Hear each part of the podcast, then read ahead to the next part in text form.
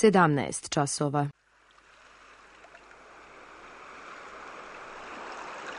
Radio Televizija Srbije. Radio Beograd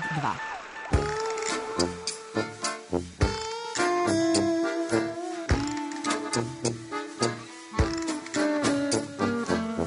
rekli su mi, gospodine, vi ste propanšili temu. Pa ja sam onda promašio život. I ne znam šta će da budu sam. Kaže, ja ne mogu više da te čuvam. Šta da ti radi? Kaže, snađi se kako znaš. Mi smo kao u kafesu. Za nas to je najmrtvo. To je mrtvo za nas, naročito. I ja bih željela neko da me usvoji. Da bih željela. Govori da bih te video. Program dokumentarnog zvuka.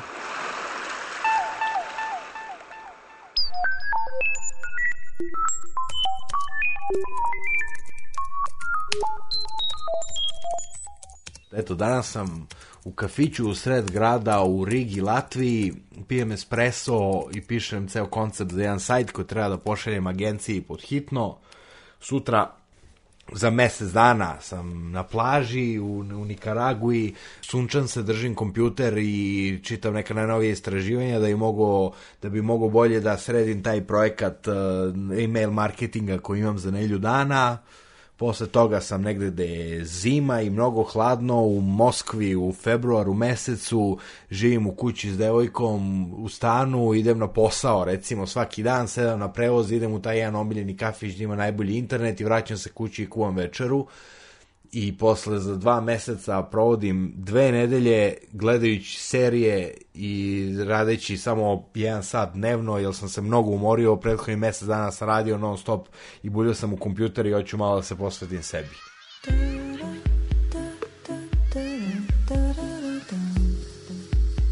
Život digitalnog nomada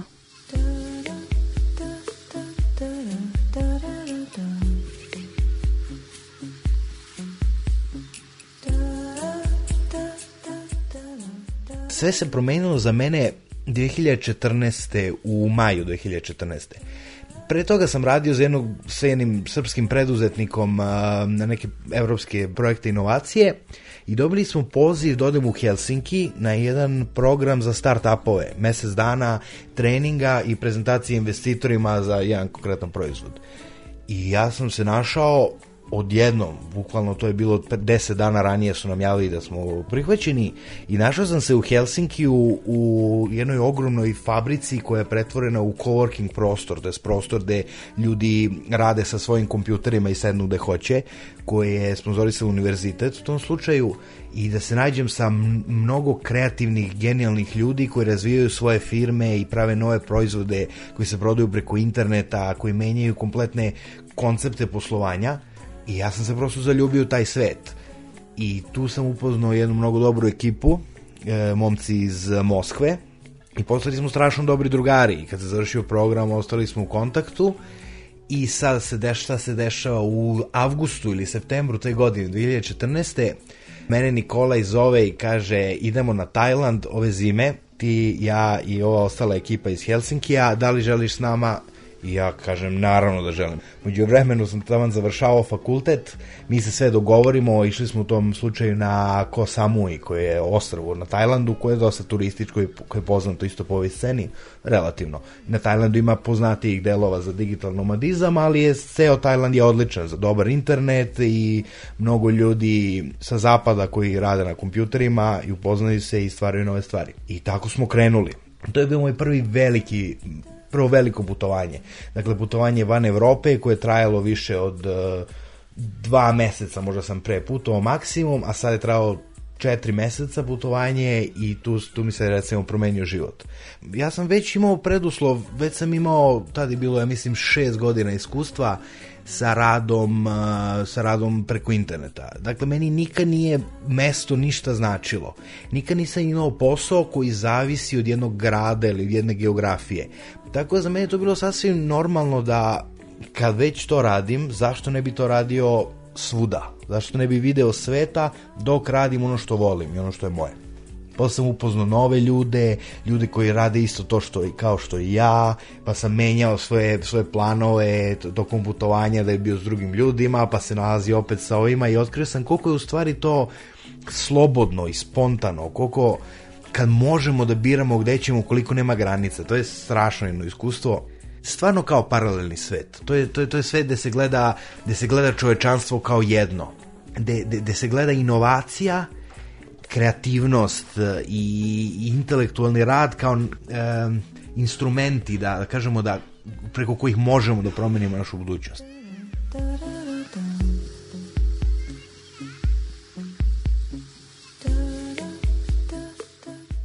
dakle ja i na primjer moj drug iz Rusije, sednemo u, u Kambođi, u jedan restoran i svako gleda u svoj kompjuter i svako radi svoj posao i mnogo smo koncentrisani, ali osjećamo, delimo tu energiju, delimo taj moment gde, gde se borimo svako za svoje i onda kad napravimo pauzu smo, još više se motivišemo. Uh, ima baš taj moment kad, eh, kad na primjer, ja uzmem u nekom novom gradu i tražim dobar kafić da ću da radim. Pošto radim u kafićima, uglavnom ne, ima, ima i druge varijante, ali kafić mi je najkreativnija nekako atmosfera, pošto se dešava nešto, ljudi prolaze, ja gledam moj kompjuter, slušam moju muziku, podignem pogled, vidim ljude kako žive svakodnevne živote i to me inspiriše i onda ima tačno taj moment kad se primetimo jedne druge. Neko i tamo na kompjuteru, uglavnom neki od nas imaju one stikere zalepljene po neke kreativne start-up eh, raz, raznolike boje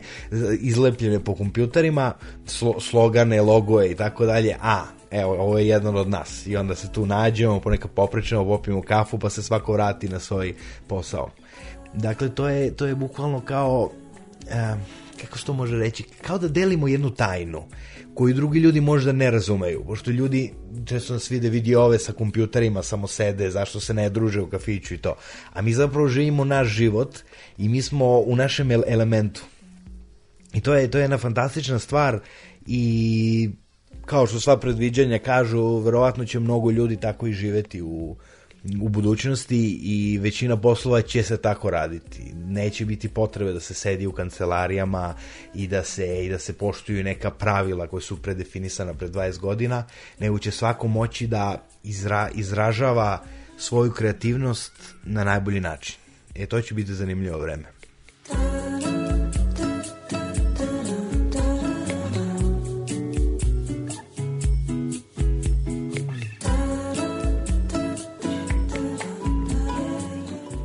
eto kako počinje radni dan, to je radna sesija, radni dan može da počne u 9 ujutru, redko, ili u 12, ili u 1, 2, sve zavisi. Otvorim kompjuter, pogledam na berzi, lud sam za bitcoinima i kriptovalutama, pa to mora da se pogleda I onda otvaram, imam jednu stranicu na, na svom Macu gde, gde mi stoje jedno sedam satova od San Francisca pa do Hong Konga i oni se menjaju non stop, zavisi da imam klijente.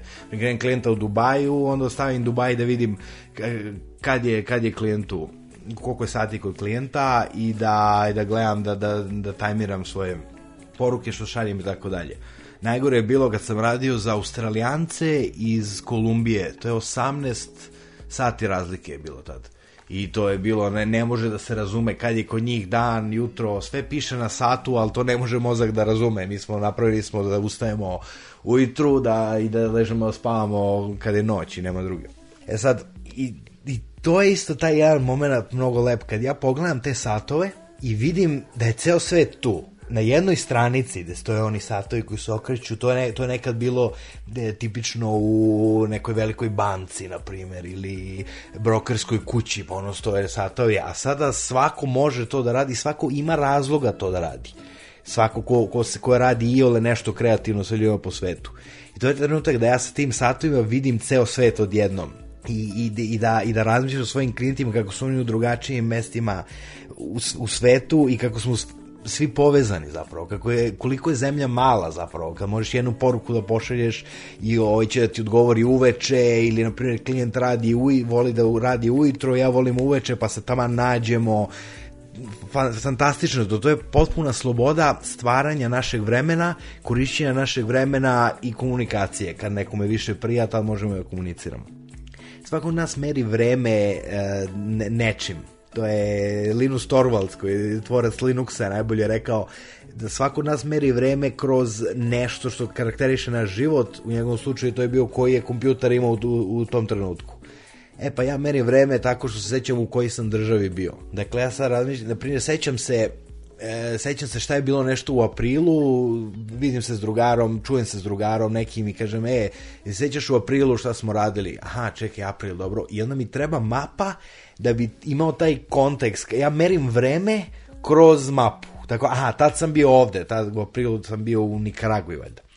I onda tamo, a da, tad sam bio tamo, ok. I onda otvorim e, kartu na kompjuteru i na telefonu i gledam onaj svet sa svim zvezdicama koje sam obeležio za mesta koje su mi tad bila bitna, koje se trebao da nađem, lepa mesta koje sam voleo, kao što i, ne znam, prodavnica ili frizer neki koji mi je trebao i onda sam ga našao i temu, aha, zašto ova zvezdica tu, tu sam tad bio i vidim ceo svet odjednom.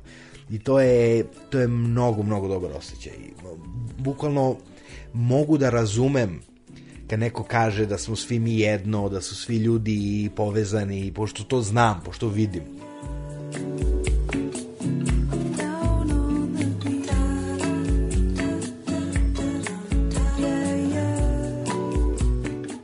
ima nas svakakih u tom svetu, što kažu a, većina, većina su između možda 20, 2, 3 godine i 35 recimo. To je i ona takozvana millennials generacija koji su nisu baš odrasli s društvene medije, ali su odrasli uz tehnologije i dovoljno su da, da, dovoljno imaju tehnologiju u, u glavi, da kažemo i u svakodnevnom životu da bi mogli da naprave neki preokret u životu koji zavisi od tehnologije to je glavna stvar je da nas tehnologija drži i vezuje i da ona obrazuje ono što mi posle biramo i omogućuje nam da živimo taj život, pošto drugačije ne bismo mogli, jel te?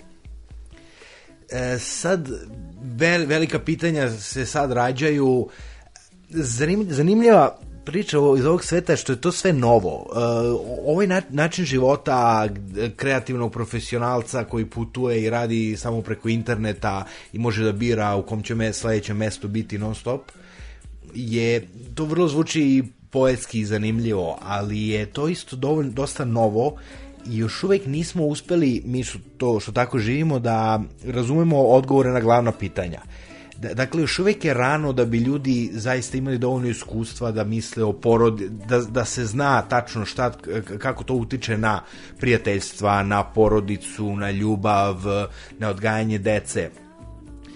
Uglavnom ima mnogo ljudi koji odlično to podnose sa porodicama i čak, i čak daju i, i čak daju odlične e, mogućnosti svojoj deci. Iako su deca sad, na primjer, mala, redko kad se, se, nađu, se nađu ljudi od preko 40 godina, na primjer, koji žive taj stil života, ali ti što imaju porodice i što putuju zajedno sa svojim porodicama su strašno optimistični.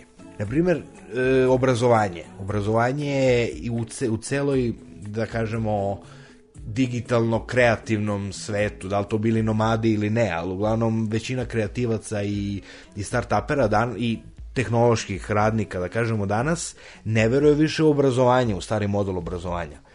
Mi sami stvaramo naš svet iz dana u dan da, dakle mi nađemo ako ako se juče koristila nek određeni e, programski jezik za za pravljenje sajtova i sad izađe novi mi ćemo odmah da skočimo na tu novu tehnologiju da bi je testirali da bi je naučili i da bi pravili bolje stvari E sad šta se dešava sa obrazovanjem? Obrazovanje je je tipična po definiciji tradicionalna e, oblik organizacije recimo, jel mi imamo, e, imamo isti model da deca idu u školu i svi prate isti program i slušaju jednog profesora koji ih uči nešto.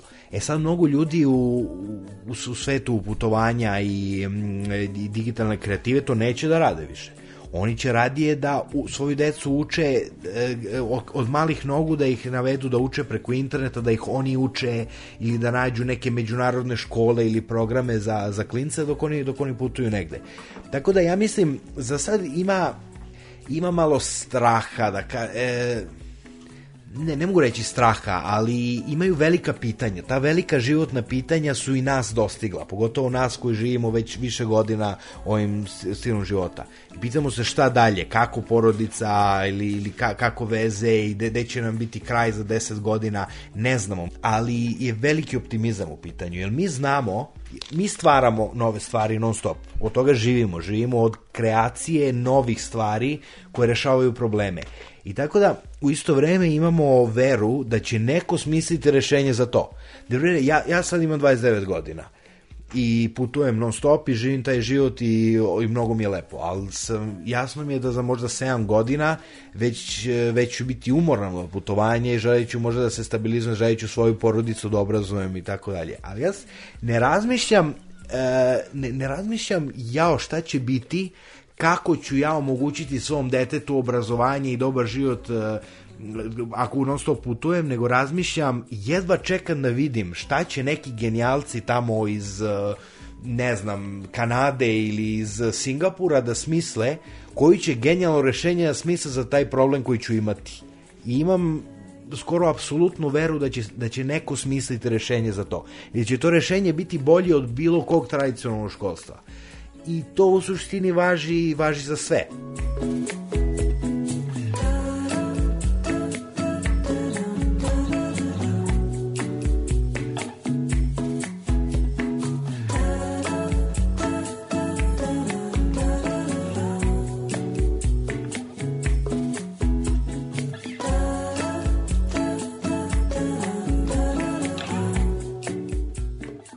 priča, imao sam ribu jednom koja mi je rekla da, da, će, da se smuvala sa mnom isključivo pošto sam ovaj digitalni nomad. Dakle, nisam neki putnik bez veze koji će da ode, u Rusiji je to bilo, koji će da ode i nikada se ne vrati, nego, kaže, nego je znala da ja, kad bih želeo, ako uspe između nas i tako dalje, da bi ja mogao da ostanem tamo. Znači, nisam neki turista koji je otišao da obiđe Moskvu, nego sam nego sam neko ko bira gde će da bude, tako da ideja, ako uspe između nas, ti ćeš moći da biraš da budeš ovde. Nisam to izabrao na kraju, ali eto, otvorila se nova mogućnost. Nisam niti putnik, niti turista, nego sam neko ko bira svoje mesto u svetu. Svesno ga biram. Recimo, nemam tačan plan, ali znam, da kažemo, što hoću da radim kad porastem ja znam da ću morati da se bavim kreativom, da ću ceo život pisati. Znam da mnogo volim tehnologiju i preduzetništvo i startupove posebno, čime se i bavim To je nešto najdivnije možda što se desilo u svetu, tako da znam da ću biti u tom svetu tehnologije. Nadam se, zamišljam sebe sa 50 godina kako imam e, neuralne implante i, i naočare koje mi pokazuju internet direktno u oči i, i da, i, i, da ne znam, putujem do svemira i nazad ako bi bilo dovoljno para. To, to su stvari koje sanjam, to su stvari koje mi daju motivaciju. E sad, u skorije vreme sam, sam nekako na, našao možda jednu formulu koja bi trebalo da funkcioniše. Promenio sam prioritete. Nekad mi je bio prioritet da nađem neke backpackere, neke lude putnike koji putuju sa 5 kila robe u rancu, i što žive na plaži, sad mi je više cilj da budem sa profesionalcima koji su istog viđenja kao ja.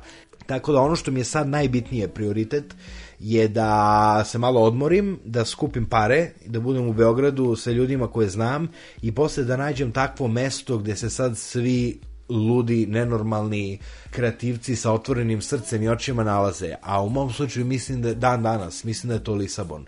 Tamo se sad sve dešava. Dešavaju se start-upovi, dešavaju se dizajn, dešava se uh, grafiti, muzika, sve, sve. Tako mislim da ću sledeće godine obilaziti te neke centre u Evropi, počeš u Lisabona, gde ću živeti možda 2, 3, 4 meseca u svakom, da bi stekao kontakte i da bi se malkice kao smirio, da bi se fokusirao na posao Dakle, treba naći tako neko mesto i to mi je sad primarno.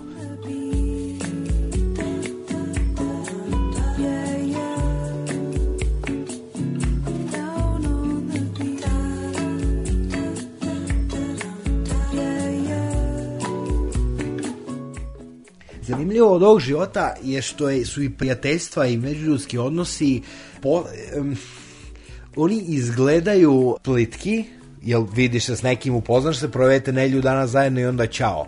Ali to je u stvari mnogo dublje. Jer naučiš da e, nikad ne daješ e, neke stvari zdrave za gotovo upoznaš nekoga i sa tom osobom kad ti se neko dopadne, da, ono, intelektualno, profesionalno, romantično, kako god, hoćeš sve da proživiš sad, o, hoćeš da otkriješ e, što više o toj osobi hoćeš i, i trudite se da zajedno proživite što više toga, ali to je poenta putovanja. I u zadnje vreme, u zadnje vreme idem i nalazim se s tim ljudima, ja sam, naravno, posle toliko vremena putovanja, neki od najdržih ljudi koje imam su ljudi koji putuju isto kao ja ili putuju manje, više, ali koje sam upoznao van njihove i moje države da, dakle ne znam ajmo za tri meseca da se nađemo u Berlinu kaže mi drugar australijanac kaže ja ću biti tamo idem da obilaze neke stare drugare ja rekao ajde doći ću u Berlin tamo nijem tamo nekog klijenta i da spojimo lepo i korisno i bam idemo nelju dana u Berlin Otišao sam u Kolumbiju jer mi je tamo bio jedan od najboljih drugara koga sam upoznao u Kambođi. I po celoj Evropi sad imam alterne, u svakom većem gradu imam nekoga koga znam koji mi je dovoljno drag, tako da nikad neću biti sam kad odem negde. Kad neko dugo putuje i sporo i provodi više meseci u svakoj državi i u državama, ne znam, Južne Amerike, na primjer, koje nemaju veze sa Evropom iz, za mnoge stvari, ili i u Aziji, u, u tim e, mnogo različitim kulturama od naše, uh, naše pričamo o zapadnjacima, iako nisu samo zapadnjaci, nomadi, ima ih, e, ima nas sad iz celog sveta. Ali uh, on, vidimo ljude, krenemo stvarno da budemo iskreno zainteresovani za ljude. Kako oni misle, kako funkcionišu, zašto govore to što govore, kako gledaju budućnost, šta se nadaju, čega se plaše, kako vide budućnost u svojoj državi, globalnu budućnost. I mislim da je to, da je to fascinantno. I mislim da ljudi koji žive ovim životom imaju mnogo veću šansu da iskreno kažu mi i da se odnose na ceo ljudski rod po celom svetu, nego ljudi koji, koji žive na jednom mestu. Da, dakle, mi se osjeć, osjećamo jedan identitet, taj putnički deo, taj kreativni deo, ta, ta kreativna komuna koja, koja je po celom svetu, mi osjećamo da pripadamo tome, ali takođe pripadamo i našim državama, odakle smo, i pripadamo celom svetu. I to ja mislim da je naj, najzdraviji neki balans da bude trećina za sve.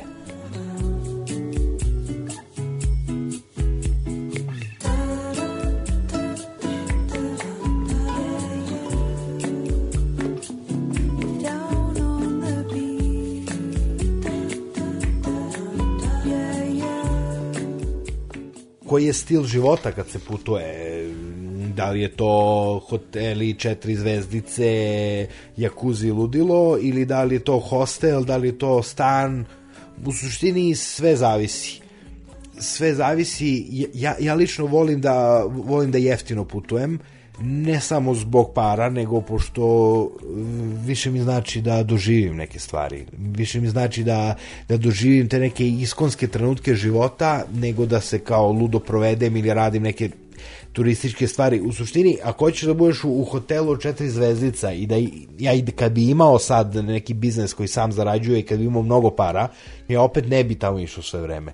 Pošto koja je poenta? Poenta je da budeš sa pravim putnicima, to je hostel. Da budeš u nekom stanu, to je Airbnb priča ili čak couchsurfing, da budeš sa lokalcima koji će da te besplatno dovedu kod sebe u dom i da ti pokažu šta znači biti norvežanin, šta znači biti južnoafrički eh, osoba iz geta, razumiješ, to, to, to je poenta, otkriti iskonska iskustva, a za, ta, za to nikad ne trebaju pare.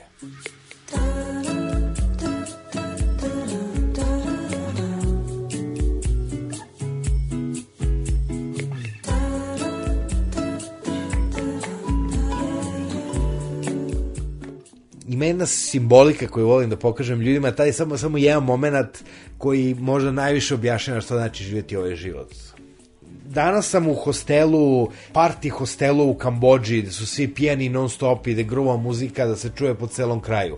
Sutra sam u nekoj maloj finoj kućici a, pored reke u Londonu, ali uvijek je jedna stvar konstantna. Što kad izvadim moj kompjuter i stavim ga na sto i otvorim i upalim, to je ista isti psihološki moment kao kad otvoriš uh, vrata od, od kuće sa ključem i uđeš unutra. A, ovo je moj svet.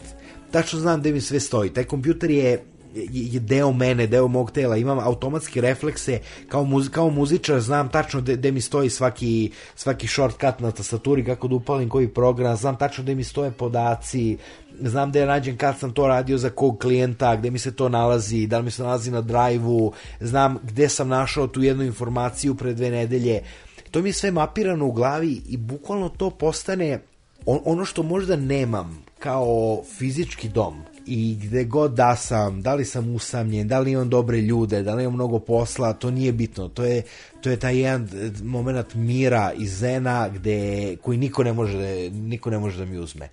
I to je ono što kuća znači za mene sad. Ono što imam tamo, ono što imam u glavi, jer to niko ne može da mi uzme, a sve ostalo je se menja iz dana u dan, ali to ostaje konstantno.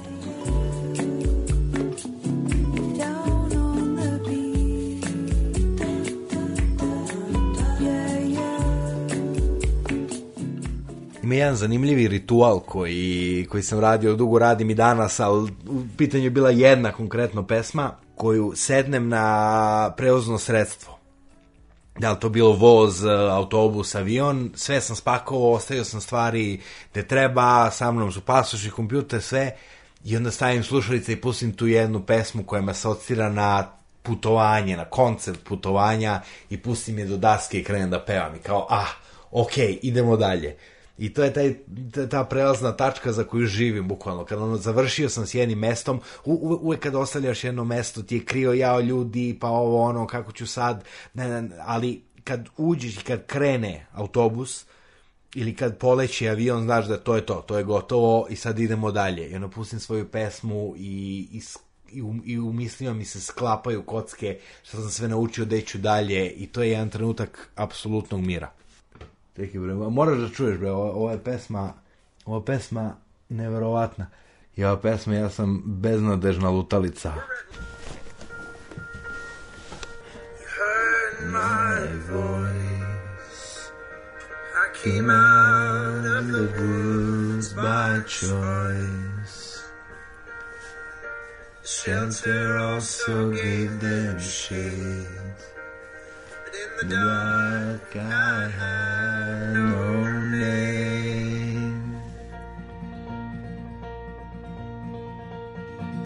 So leave that click in my hand, and I will remember the words that you said. Left a cloud in mind and a heavy heart but I was sure we could see a new start. So when your hopes on fire.